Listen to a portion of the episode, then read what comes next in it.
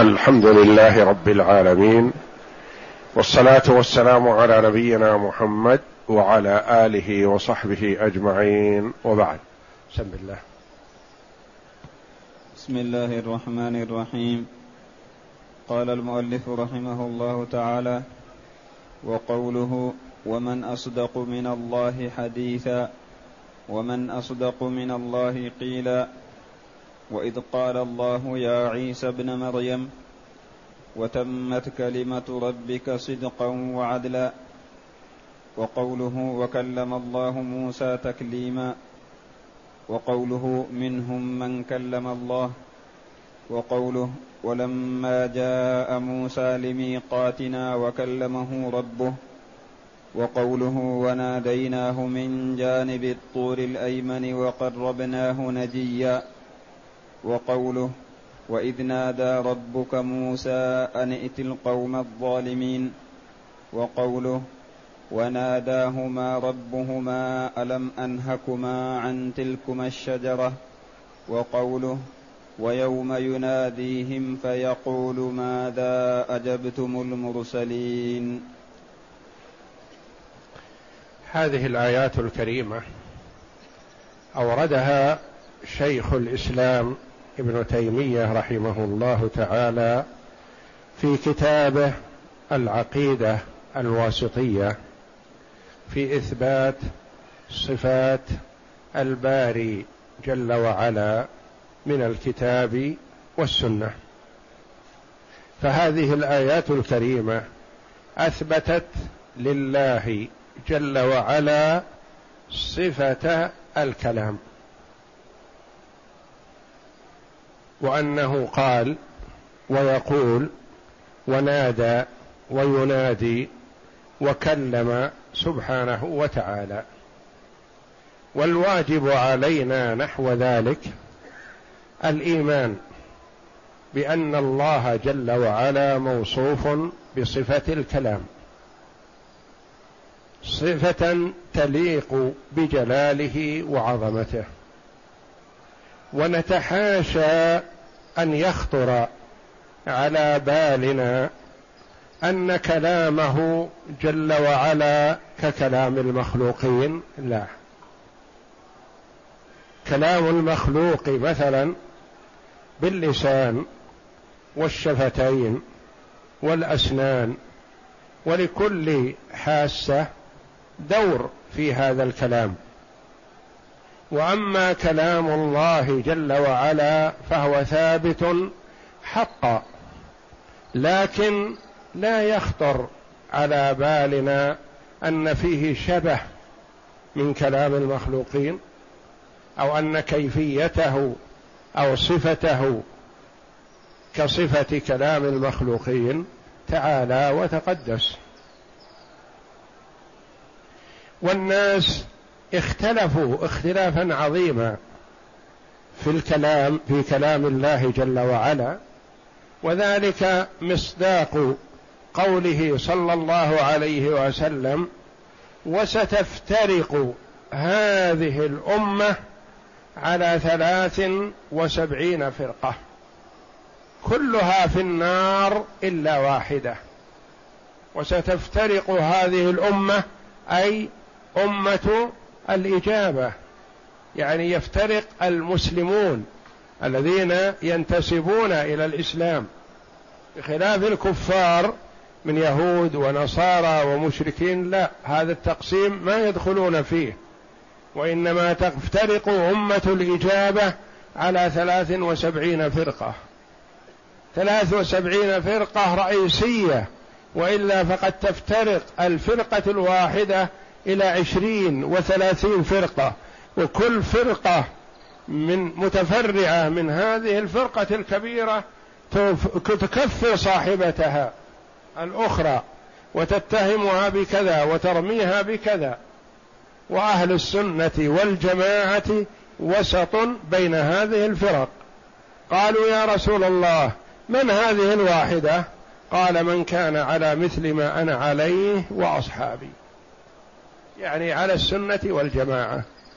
وأهل السنة والجماعة يفهمون معنى كلام الله تبارك وتعالى وكلام رسوله صلى الله عليه وسلم ويؤمنون به ويصدقونه ويعتقدونه وينزهون الله جل وعلا عن التشبيه والتمثيل. ويبتعدون عن التعطيل الذي ينشأ منه في زعمهم التنزيه. فهم ينزهون تنزيها بلا تعطيل ويثبتون إثباتا بلا تشبيه ولا تمثيل. وكلام الله جل وعلا واضح جلي في إثبات صفة الكلام. وكونه معنى قائم بذاته لا ينطق به أو كونه يخلق الكلام في شيء ما ثم هذا الكلام يكون. وكونه كذا وكونه كذا هذا ما كلفنا الله به. ولا يجوز لنا أن يخطر على بالنا أمر لا يليق بالله تبارك وتعالى. وإنما نؤمن إيمانا جازما صادقا كما أخبرنا ربنا بأنه تكلم ويتكلم متى شاء وكيفما شاء وعلى ما شاء سبحانه وتعالى. وينادي ونادى ويخاطب سبحانه وتعالى. وكلم موسى عليه الصلاة والسلام. وكلم الأنبياء منهم من كلم الله. ونادى عيسى ابن مريم ويناديه يوم القيامة. ونادى آدم وحواء ألم أنهكما عن تلكما الشجرة؟ وغير ذلك من تكرر وتنوع العبارات في كلام الله تبارك وتعالى. لا نشك ولا نتردد ونتحاشى التعطيل ونتحاشى التشبيه والتمثيل وإنما نؤمن بما جاء عن الله على مراد الله تبارك وتعالى. ونؤمن بما جاء عن رسول الله صلى الله عليه وسلم على مراد رسول الله صلى الله عليه وسلم. بعض الطوائف تعمقت وتكلفت وتدخلت في شيء ما ينبغي لها أن تدخل فيه. إذا قيل إن الله جل وعلا تكلم هل يخفى هذا المعنى على أحد؟ ما يخفى على العاقل الذي يدرك. الله تكلم ويتكلم ويكلم من شاء ونادى وينادي وقال جل وعلا ويقول. هذه معاني واضحة جلية. خلق الكلام في الشجرة خلق الكلام كذا. الله منزه عن الكلام؟ كيف نقول الله منزه عن الكلام؟ وهو جل وعلا يقول لنا وكلم الله موسى تكليما. نقول لا يا ربي ما يليق أن تقول وكلم الله موسى تكليما؟ هذا ما يقوله عاقل. الله جل وعلا يقول عن نفسه ثم نقول نحن لا ما يصير. هذا ما يليق. هذا ما يقوله عاقل. والمعنى الذي صدر به هذا الكلام واضح جلي. ما هو بلغز. ولا شيء فيه تعجيز. يقول الله جل وعلا وكلم الله موسى تكليما.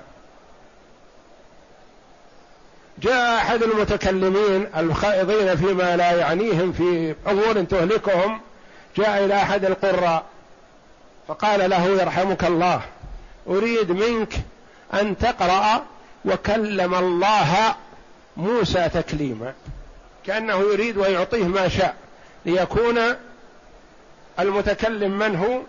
موسى. ما هو الله يقول أريد منك أن تقرأ وكلم الله موسى تكليما. قال له ما قال شتمه بما يستحق. قال له هب أني أطعتك في هذا وقرأتها على ما تريد. ماذا نقول في وكلمه ربه؟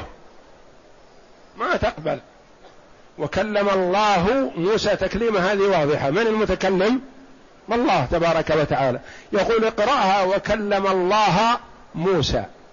يريد أن يكون موسى هو المتكلم والله الذي كلمه موسى. قال طيب هب أني قرأت هذا أطعتك. ما هي بهذه آية واحدة في الكلام علشان نصرفها وننتهي. نخلص عليها أنا وأنت. نحرف كلام الله عن مواضعه. وكلمه ربه. ماذا أقول فيها؟ هذه واضحة صريحة وكلمه ربه. من الذي كلمه ربه. كلمه كلم موسى. وكلمه ربه. ما وكلم موسى ربه؟ ما ما جاءت في القرآن هكذا. فمن زاغت قلوبهم عن الحق بدأوا يتلمسون. ويلتمسون الضلال والزيغ ويعرضون عن الحق الواضح الجلي. كأنه يقول في نفسه بسيط هذه وكلمه ربه. كلمة أقول كلم مكلبين يعني تجريح جرحه ربه. تعالى الله. موسى من الذي جرح جرحه ربه. كيف جرحه ربه؟ ماذا يكون؟ يعني يلتمسون الضلالات ويزيغون عن الحق بأمور ينتقدهم الصبي والجاهل. الصبي إذا ألقي عليه الكلام فهم معناه. متوسط الحال والصغير. وكلمه ربه يعني جرحه ربه. هذه مدح لموسى إن ربه جرحه. كلمه كلمه. يقول إن كلم والتكليم مكلبين بمعنى أنه جرح وجرح. كلمة. كل هذا يريدون نفي صفة الكلام عن الله تبارك وتعالى. كيف يثبتها الله جل وعلا لنفسه؟ ويثبتها له رسوله صلى الله عليه وسلم. ثم نحن نلتفت يمينا وشمالا والتمس الزيغ والضلال لنؤول ونحرف كلام الله جل وعلا عن مواضعه. فالطوائف في موضوع الكلام كثر. وكل نهج منهجا من له أدنى عقل وإن لم يكن علم ما عنده علم لكن عنده عقل ما يوافق عليه. ولا يرى الكلام أن القرآن يدل عليه ابدا. وأهل السنة والجماعة أخذوا كلام الله جل وعلا وأحاديث رسوله صلى الله عليه وسلم بعين الاعتبار والاعتداد والاهتمام بها وجعلوها هي الحكم. فما أثبته القرآن أثبتوه. وما نفاه القرآن والسنة نفوه. وما دل عليه المعنى آمنوا به. وما لم يكلفوا به لم يرجعوا إليه. كيف تكلم هذا لا ما ليس إلينا. حتى الرسول صلى الله عليه وسلم ما قال عنه شيء. ولا تكلم فيه. ومنهجهم في هذا منهج الصفات كلها على وتيرة واحدة. كما قال الإمام مالك رحمه الله إمام دار الهجرة قال الاستواء معلوم والكيف مجهول والإيمان به يعني بالاستواء واجب والسؤال عنه يعني عن الكيفية بدعة. هذه العبارة المروية عن مالك وكذا هي كذلك هي مروية عن أم سلمة رضي الله عنها أم المؤمنين يؤتى بها في جميع صفات الباري جل وعلا. يقال مثلا الكلام كلام الله جل وعلا صفة ثابتة. الكلام معلوم المعنى. والكيفية كيفية كلام الباري تبارك وتعالى ما نعلمها الله يعلمها مجهول. والإيمان بالكلام واجب علينا أن نؤمن بأن الله تكلم ويتكلم متى شاء وكيفما شاء على ما أراد سبحانه وتعالى. ويكلم من شاء من عباده ويكلم العباد عامة يوم القيامة يناديهم والسؤال عن كيفية الكلام ما هي كيفيته؟ هذا ما ليس إلينا. نعرف كيفية كيف نكلم يكلم بعضنا بعض. كيف يكلم زيد عمرو؟ كيف يتكلم المخلوق؟ نعرفه. كيف يتكلم الطائر الذي يتكلم بالتقليد الببغاء وغيره؟ نعرف هذا نراه نسمعه. لكن كلام ربنا تبارك وتعالى ما يسوغ لنا أن نحدد كيفيته. لأنه كما يقال السؤال عن الكيفية فرع عن العلم بالذات. عن العلم بالذات. إذا عندك علم من ذات هذا الشيء فتعرف كيفيته. ما عندك علم بذات الشيء ذات الباري تبارك وتعالى ما نحيط بها. ولا نعرف كيفيتها فهو أعلم بها جل وعلا. وعلم الله جل وعلا معلوم. وكيفيته مجهولة لنا. واستواء الله معلوم. ونزول الله جل وعلا. ينزل ربنا إلى سماء الدنيا حين يلقى ثلث الليل الآخر فينادي. هذا معلوم. واضح جلي. كيف ينزل؟ هذا ما ما نحيط به. ولا يليق بنا أن نقول كيف ينزل. لا. الله جل وعلا ما يقاس بخلقه. محمد وعمر إذا كان فوق وأعلى ينزل نزولا على ما اعتاد نعرف. كان في الطائرة ونزل. وهكذا. هذا نحيط به نعرفه. لكن نزول ربنا تبارك وتعالى ما نحيط به. وهكذا في سائر الصفات فالواجب على المسلم الإيمان. يعني ما هو بالإمرار. إمرار الآيات بدون تعمق لا. يجب علينا أن نؤمن بها وبما دلت عليه من المعاني وأنها حق وأن لها معان حقيقية.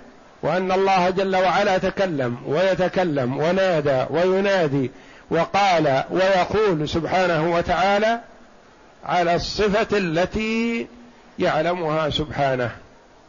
وأما معنى الصفة فهو معلوم. يعني معنى أنه كلم أو يكلم هذا معلوم. كيف يكلم؟ هذا ليس إلينا. والمؤلف رحمه الله تعالى أورد في هذا الباب أحد عشر آية. والآيات في هذا كثيرة لكنه أتى بها على سبيل التنويع. نادى وينادي وقال ويقول وكلم ويكلم وتمت كلمة ربك صدقا وعدلا. ومن أصدق من الله قيلا ومن أصدق من الله حديثا منوعات. وإلا فالآيات كثيرة في كتاب الله التي تدل على الكلام. وأورد المؤلف رحمه الله في هذا إحدى عشر آية مع ما سيريده من الآيات الآتية فيما بعد في أن القرآن كلام الله. الآيات الآتية في إثبات أن القرآن كلام الله. هذه الآيات الإحدى عشر كلها دالة على أن الله تكلم ويتكلم وقال ويقول ونادى وينادي كما هي في معانيها وألفاظها واضحة جلية. فاولا قوله جل وعلا ومن أصدق من الله حديثا. الحديث ما هو؟ هو القول. يعني أن الله يقول ويتحدث ويكلم. ومن أصدق من الله قيلا. هذه فيها استفهام يفهم منه معنى التعجيز أنه لا أحد كائنا من كان أصدق من الله حديثا ولا أحد أصدق من الله قيلا لأن صدق القول مبني على معرفة حقيقة الأمر. أنا مثلا قد أسمع من من شخص ما كلام حسن وأقول مثلا أحدث غيري أقول فلان فلان مثلا صدوق لأن هذا الذي ظهر لي. بينما هو ربما يكون في حقيقة الأمر منافق كذوب. لكن أنا اغتررت به. لكن الله جل وعلا إذا رضي عن فلان أو مدح فلان أو ذم فلان فهو مبني على الحقيقة. إذا قال جل وعلا تبت يدا أبي لهب وتب قالها متى سبحانه وتعالى؟ نزلت على محمد صلى الله عليه وسلم وهو في مكة. وعاش بعدها أبو لهب زمن طويل. فالله جل وعلا يعلم أزلا أن أبا لهب لا يؤمن. ويستمر في التباب والخسار والهلاك. وقال جل وعلا لقد رضي الله عن المؤمنين إذ يبايعونك تحت الشجرة. رضي الله عنهم رضي الله عنهم ما يمكن أن يسخط عليهم. ما دام أثبت لهم الرضا فلا يسخط عليهم. لكن غير الله تبارك وتعالى قد يرضى عن فلان يوم ويسخط عنه لما يحدث في اليوم الآخر. لكن الله جل وعلا يعلم أنه إذا رضي عن شخص ما يسخط عليه لأنه يقوله جل وعلا عن علم. عن علم وعن حقيقة فالرجل الصدوق قد يظن الشيء ظن فيخبر به فيكون كذب وهو من عادته الكذب لكن لعدم علمه لعدم اطلاعه على الحقيقة. الله جل وعلا مطلع على الحقيقة ولهذا قال ومن أصدق من الله حديثا لا أحد استفهام بمعنى النفي يفهم منه شيء من التحدي. يعني أحضر لي أو ائتني بأحد أصدق من الله حديثا ما تستطيع. ومن أصدق من الله قيل مثلها فيها إثبات القول لله تبارك وتعالى. وإذ قال الله يا عيسى ابن مريم وش الشاهد عندنا؟ وإذ قال قال الله. قال الله يا عيسى ابن مريم. نادى سبحانه وتعالى وقال يا عيسى ابن مريم. فهذا حق. وتمت كلمة ربك صدقا وعدلا. صدقا في الأقوال عدلا في الأحكام. الأقوال توصف بالصدق أو الكذب. والأحكام توصف بالعدل أو الجور. وتمت كلمة ربك كلمة بمعنى كلام. صدقا وعدلا. صدقا في الأقوال وعدلا في في الأحكام. وقوله جل وعلا وكلم الله موسى تكليما. فلفظ الجلالة فاعل لأنه هو المتكلم سبحانه وتعالى. وهذه التي قلت أن المتكلم يأتي للقارئ يقول أريد أن تقرأ هذه على هكذا تقول وكلم الله موسى تكليما ليكون المتكلم من هو؟ موسى ليكون هو الفاعل. وكلم الله موسى تكليما قال هب أني أطعتك في هذا وضللت أنا وأنت. ماذا موقفنا من قوله وكلمه ربه؟ وقوله جل وعلا منهم من كلم الله. منهم أي من الرسل والأنبياء من كلم الله. كلم الله فاعل يعني الله هو الذي كلمهم. ولما جاء موسى لميقاتنا وكلمه ربه. كلمه ربه لما جاء. دل على أن تكليم الله جل وعلا لموسى متى؟ لما جاء. يعني قبل أن يأتي للميقات ما كلمه ربه. كلمه لما جاء. فدل أن صفة الكلام ثابتة لله جل وعلا ومستمرة. ليست في الأزل كما يقول بعضهم تكلم ما عنده من الكلام وانتهى. وخلاص. هذا جهل. ولما جاء موسى لميقاتنا وكلمه ربه وناديناه من جانب الطور الأي... من جانب الطور الأيمن وقربناه نجيا. وين الشاهد عندنا؟ وناديناه. ناداه الله جل وعلا والمنادات هي الكلام. وقوله تعالى وإذ نادى ربك موسى أن ائت القوم الظالمين نادى الله جل وعلا موسى وقال له أن ائت القوم الظالمين قوم فرعون لا يتقون. وقال تعالى وناداهما ربهما ألم أنهكما عن تلكما الشجرة؟ وناداهما نادى الله جل وعلا آدم وحواء. وقال ألم أنهكما؟ فدل على أنه صدر نهي قبل هذا.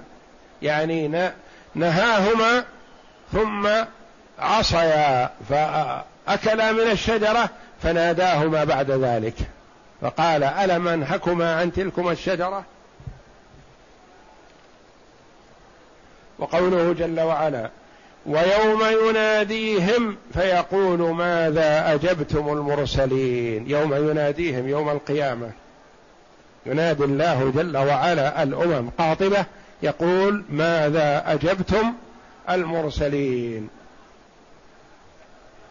وغير هذه من الآيات وهي كثيرة في كتاب الله جل وعلا والمؤلف رحمه الله أورد هذه الآيات للدلالة على إثبات صفة الكلام لله تبارك وتعالى والمعنى معلوم واضح والكيفية الله أعلم بها. والإيمان بهذه الصفة الثابتة في الكتاب والسنة واجب على كل مسلم يرجو الله ويخافه. اقرأ.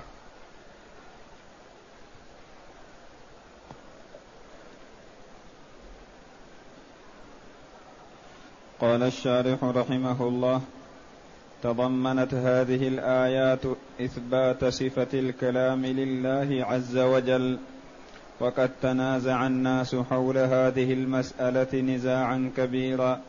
حول هذه المسألة يعني إثبات صفة الكلام لله تبارك وتعالى. ولا ينبغي أن نتنازع. ما دام كتاب الله جل وعلا بين أظهرنا وعندنا وسنة نبينا محمد صلى الله عليه وسلم نأخذ بهما ونعض عليهما بالنواجذ ولا نلتفت إلى ما سواهما. نعم. فمنهم من جعل كلامه سبحانه مخلوقا منفصلا منه. يقول مخلوق كلام الله مخلوق وينشا عن هذا يقول القرآن مخلوق. يعني خلق الله الكلام في الشجرة. فإذا خلق الله الكلام في الشجرة وقالت الشجرة أنه أنا الله رب العالمين هل الشجرة هي رب العالمين؟ تعالى الله. نعم. وقال إن معنى متكلم خالق للكلام وهم المعتزلة. قالوا خالق للكلام وليس متكلم وهم المعتزلة. لما سموا معتزلة؟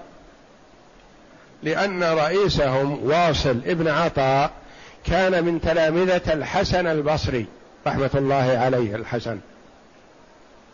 فأظهر مقالته هذه السيئة فانتهره الحسن رحمه الله. ووجهه فلما لم يقبل التوجيه طرده. فاعتزل مجلس الحسن وحلقة الحسن البصري رحمه الله وانضم إليه من تلاعب بهم الشيطان فسموا معتزلة لانهم اعتزلوا مجلس الحسن البصري رحمه الله أحد سادات التابعين لما طرده. لأنه وجه وجه واصل بن عطاء هذا الذي هو كبيرهم وإمامهم وزعيمهم وجهه فلم يقبل. فعند ذلك طرده. قال لا تجلس. مثل ما طرد الإمام مالك رحمه الله من قال كيف استوى. فكان السلف رحمة الله عليهم يوجهون من يقبل التوجيه فإذا لم يقبل طردوه. لئلا يقال إنه من تلامذة الحسن البصري. أو ممن أخذ عن مالك حتى يشتهر الطرد هذا فلا يغتر به. فلا يغتر به. وكانوا رحمة الله عليهم يتلطفون بطالب العلم لكن مريد الهوى والزيغ يطردونه. لأن لكل مقام مقام. مثلا طالب علم استجهل شيء ما فجاء إلى شيخه مستجهل جاهل. يريد الإرشاد يتلطف به ويوجهه ويعلمه لكن إذا ظهر منه قصد الإضلال وإثارة الشبه والعناد فكان العلماء رحمة الله عليهم لا يأون له ولا يستجيبون له بل يظهرون شناعته وطرده حتى لا يغتر به. قالوا من هو هذاك مثلا؟ قال هذا واصل بن عطاء. لما انفرد؟ لأن الحسن بن مسلم طرده. لما؟ لأنه أظهر كذا وكذا. فمن أعلن بدعته يستحق الطرد والإبعاد. ومن سأل عن شيء ما على سبيل الجهل وعلى سبيل الاسترشاد فيرشد ويوضح له ويبين له. نعم. فهم سموا معتزلة لهذا وإلا فزعيمهم واصل بن عطاء. نعم. وكان من تلامذة الحسن البصري في أول الأمر. نعم. ومنهم ومنهم من جعله لازما لذاته أزلا وأبدا لا يتعلق بمشيئته وقدرته. ونفى عنه الحروف والصوت وقال إنه معنى واحد في الأزل. وهم الكلابية والأشعرية. وهم طوائف من الضلال ممن ضلوا على الصراط المستقيم وإن كان معهم شيء من الحق. معهم يعني ما ما هم ما هم كفار لا. وإنما عندهم ضلال. وقول النبي صلى الله عليه وسلم كلها في النار إلا واحد يعني تستحق دخول النار لما فيها من الزيغ. ولا يقال ومنهم من زعم أنه حروف وأصوات وأصوات قديمة لازمة للذات وقال إنها مقترنة في الأزل فهو سبحانه لا يتكلم بها شيئا بعد شيء وهم بعض الغلاة. الله جل وعلا يقول وقال ونادى وينادي. كيف يقال إنها كلام في الأزل؟ يعني في القدم. كلام في القدم وخلاص وانتهى. يوم يناديهم يوم القيامة. تكلم ويتكلم متى شاء وكيف ما شاء جل وعلا نعم. ومنهم من جعله حادثا قائما بذاته تعالى ومتعلقا بمشيئته وقدرته ولكن زعم أن له ابتداء في ذاته وأن الله لم يكن متكلما في الأزل وهم الكرامية يعني ما كان متكلم في الأزل وإنما حدث عنده صفة الكلام. عكس أولئك. أولئك يقولون عنده الكلام في الأزل وخلاص انتهى. لا يتكلم متى شاء وإنما تكلم كل ما عنده من الكلام وانتهى. وهؤلاء بعكسهم. يقولون ليس موصوف بصفة الكلام أزلا لكن جد عنده الكلام.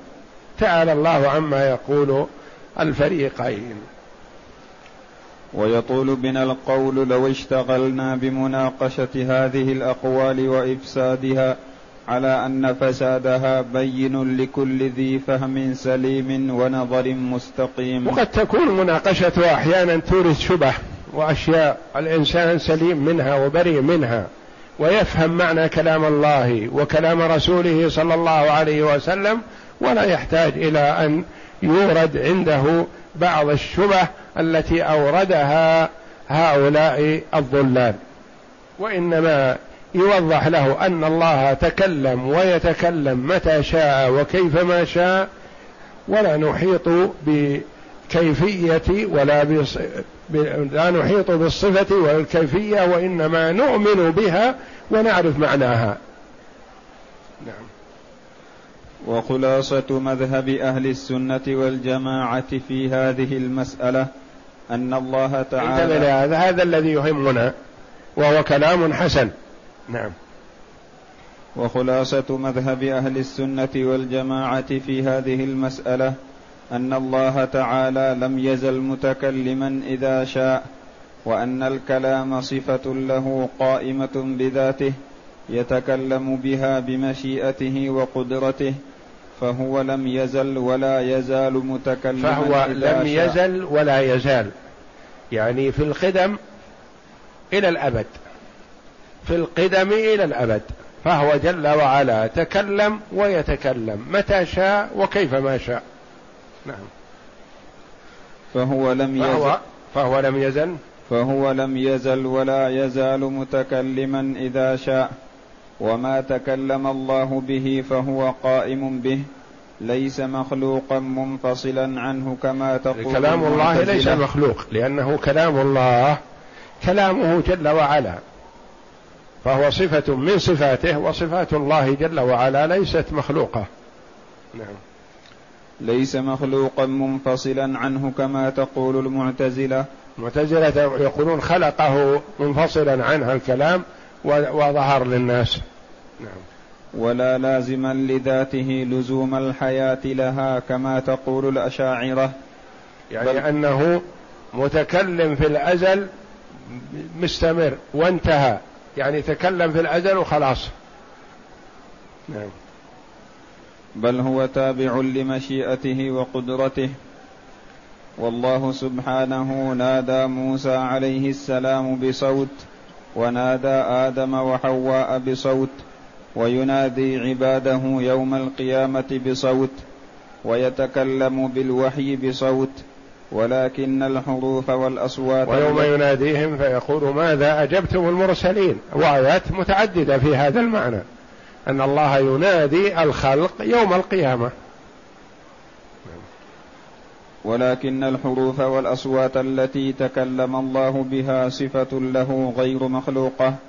ويقال الحروف مخلوقة والصوت مخلوق هذا كلام الله بحروف وصوت الله أعلم به وهو صفة من صفاته. ما في كلام الله شيء مخلوق. نعم. ولا تشبه أصوات المخلوقين وحروفهم. كما أن علم الله القائم بذاته ليس مثل علم عباده فإن الله لا يماثل المخلوقين في شيء من صفاته. نعم جميع صفات الباري جل وعلا ما تقاس بصفات المخلوقين. السمع والبصر والعلم والقدرة والإرادة والاستواء والنزول والكلام وغير ذلك من صفات الباري تبارك وتعالى. نعم والآيتان الأوليان هنا وهما من سورة النساء تنفيان أن يكون أحد لا يتان الليان ومن أصدق من الله حديثا ومن أصدق من الله قيلا. نعم. تنفيان أن يكون أحد أصدق حديثا وقولا من الله عز وجل بل هو سبحانه أصدق من كل أحد في, في كل ما يخبر به. وذلك لأن علمه بالحقائق المخبر عنها أشمل وأضبط. لأنه يعرف الحقائق يعلم الحقائق جل وعلا على ما هي عليه. بخلاف غيره فهو قد يموه عليه. حتى الرسول عليه الصلاة والسلام يقول إنما أنا بشر وإنكم تختصمون إلي ولعل بعضكم يكون ألحن بحجتي من بعض. فأحسب أنه صادق. فمن قضيت له بحق أخي فلا يأخذه. فهو الرسول عليه الصلاة والسلام يقول ولعل بعضكم يكون ألحن بحجة بعض فيحسب أنه صادق وهو بخلاف الأمر بخلاف الحقيقة والواقع. أما الله جل وعلا فيعلم الأمر على ما هو والحقيقة كما هي. نعم. فهو يعلمها على ما هي به من كل وجه وعلم غيره ليس كذلك.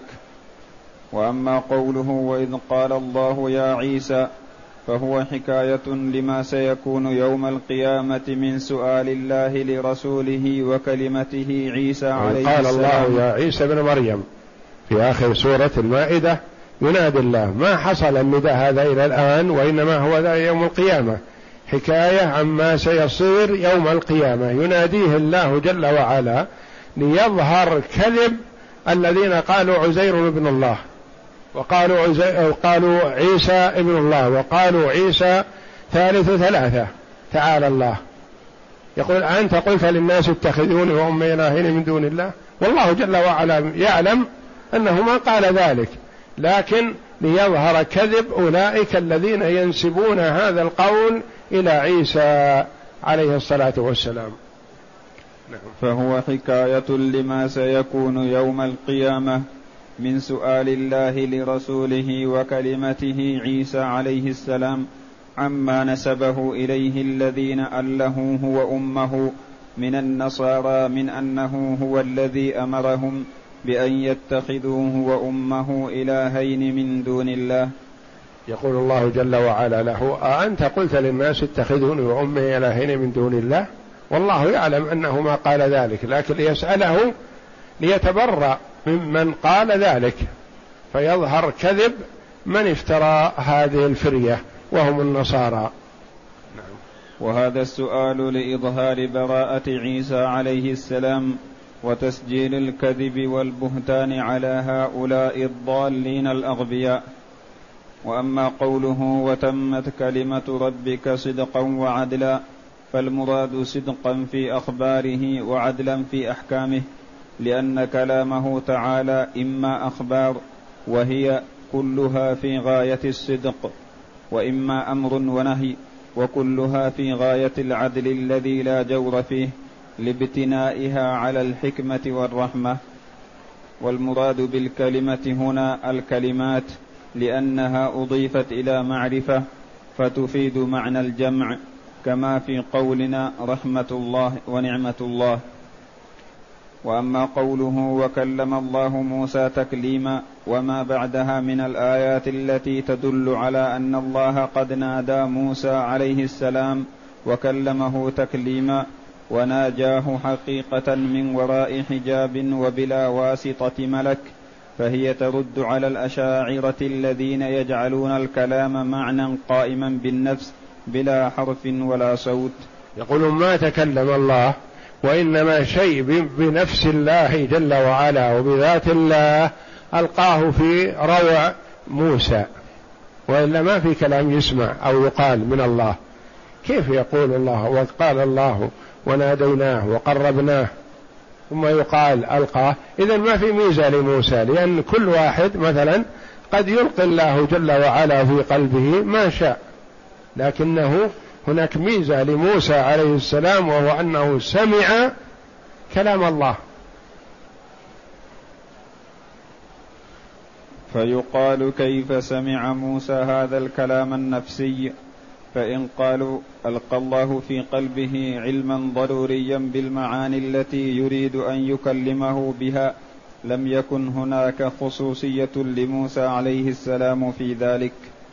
وإن قالوا إن الله خلق كلاما في الشجرة أو في الهواء ونحو ذلك لزم أن تكون الشجرة هي التي قالت لموسى إني أنا ربك. وكذا ترد عليهم هذه الآيات في جعلهم الكلام معنى واحدا في الأزل لا يحدث منه في ذاته شيء.